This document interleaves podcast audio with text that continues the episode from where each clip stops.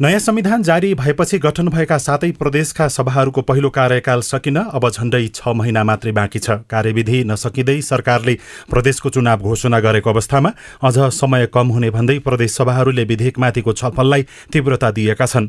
आगामी आर्थिक वर्षको बजेटको बारेमा छलफल चलाइरहेका सभाहरूले बनेका कानूनहरूको समीक्षाको योजना पनि बनाएका छन्। सिआइएनसँग कुराकानी गर्दै सुदूरपश्चिम प्रदेशका सभामुख अर्जुन बहादुर थापाले संसदीय समिति सरकार र सरोकारवाला निकायबीच छलफल गरी कानून कार्यान्वयनको अवस्थाका बारेमा जानकारी लिने र चच्याउनु पर्ने आवश्यकता महसुस भएमा त्यसका लागि पनि अग्रसर हुने प्रतिबद्धता जनाउनुभयो।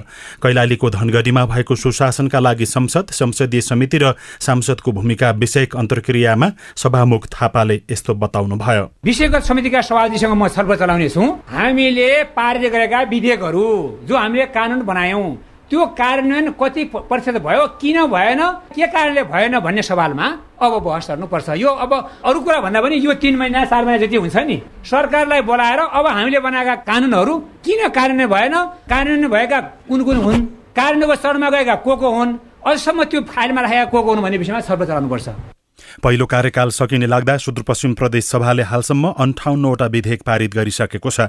अन्तर्क्रियामा सहभागी संसदीय समितिका सभापतिहरूले भने सरकारले आफूले दिएका निर्देशनको पूर्ण कार्यान्वयन नगरेको बताए। सुदूरपश्चिम प्रदेश सभा मातहतको सामाजिक सामाजिक समितिका सभापति कुन्ती जोशीले समितिको निर्देशन लागू गर्न सरकार थप जिम्मेवार बन्नुपर्नेमा जोड दिनुभयो। कतिपय ठाउँमा चाहिँ सरकारले सुनेको छ नसुने पुरै सुनेन भन्ने कुराहरू मेरो त छैन।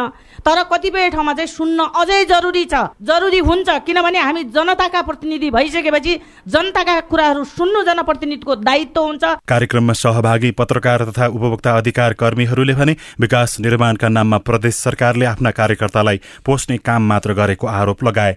सार्वजनिक लेखा समितिका सभापति कुमारी नन्दा बमले समितिले सरकारलाई उत्तरदायी बनाउनका लागि अनुगमन र निर्देशन दिइरहेको दावी गर्दै मन्दिर निर्माणमा भएको भ्रष्टाचारको बारेमा पनि तत्काल छानबिन गरिने प्रतिबद्धता व्यक्त गर्नुभयो। जानको लागि त छ महिना नै मलाई नचाहिला किनभनेदेखि उहाँको नजरमा जहाँ छ त्यहाँ हाम्रो समिति तुरुन्तै जान्छ र तुरुन्तै हामी इन्भेस्टिगेसन गर्छौँ। यसको लागि छ महिना कुर्नु पर्दैन। अहिलेको यो रनिङ इयरमा अस्ति आठ गतेको डेटाले तिस पर्सेन्ट मात्रै बजेट खर्च गरेको छ। बाँकी सत्तरी पर्सेन्ट बजेट हाम्रो खर्च गरेकै छैन। हामीले भनेको सम्बन्धित नियालाई घस घस्याउने हो। हामीले घस घसाइरहेछौँ हामीले लेखेर लिखित पठाइरहेछौँ। प्रदेशको सामाजिक विकास मन्त्रालयले सोह्रवटा एम्बुलेन्स खरिद गर्दा अनियमितता भएको ओजोरी परेपछि समितिले अध्ययन गरेको र भ्रष्टाचार भएको तथ्यसहित केही दिनमा नै प्रतिवेदन सार्वजनिक गरिने पनि उहाँले जानकारी दिनुभयो।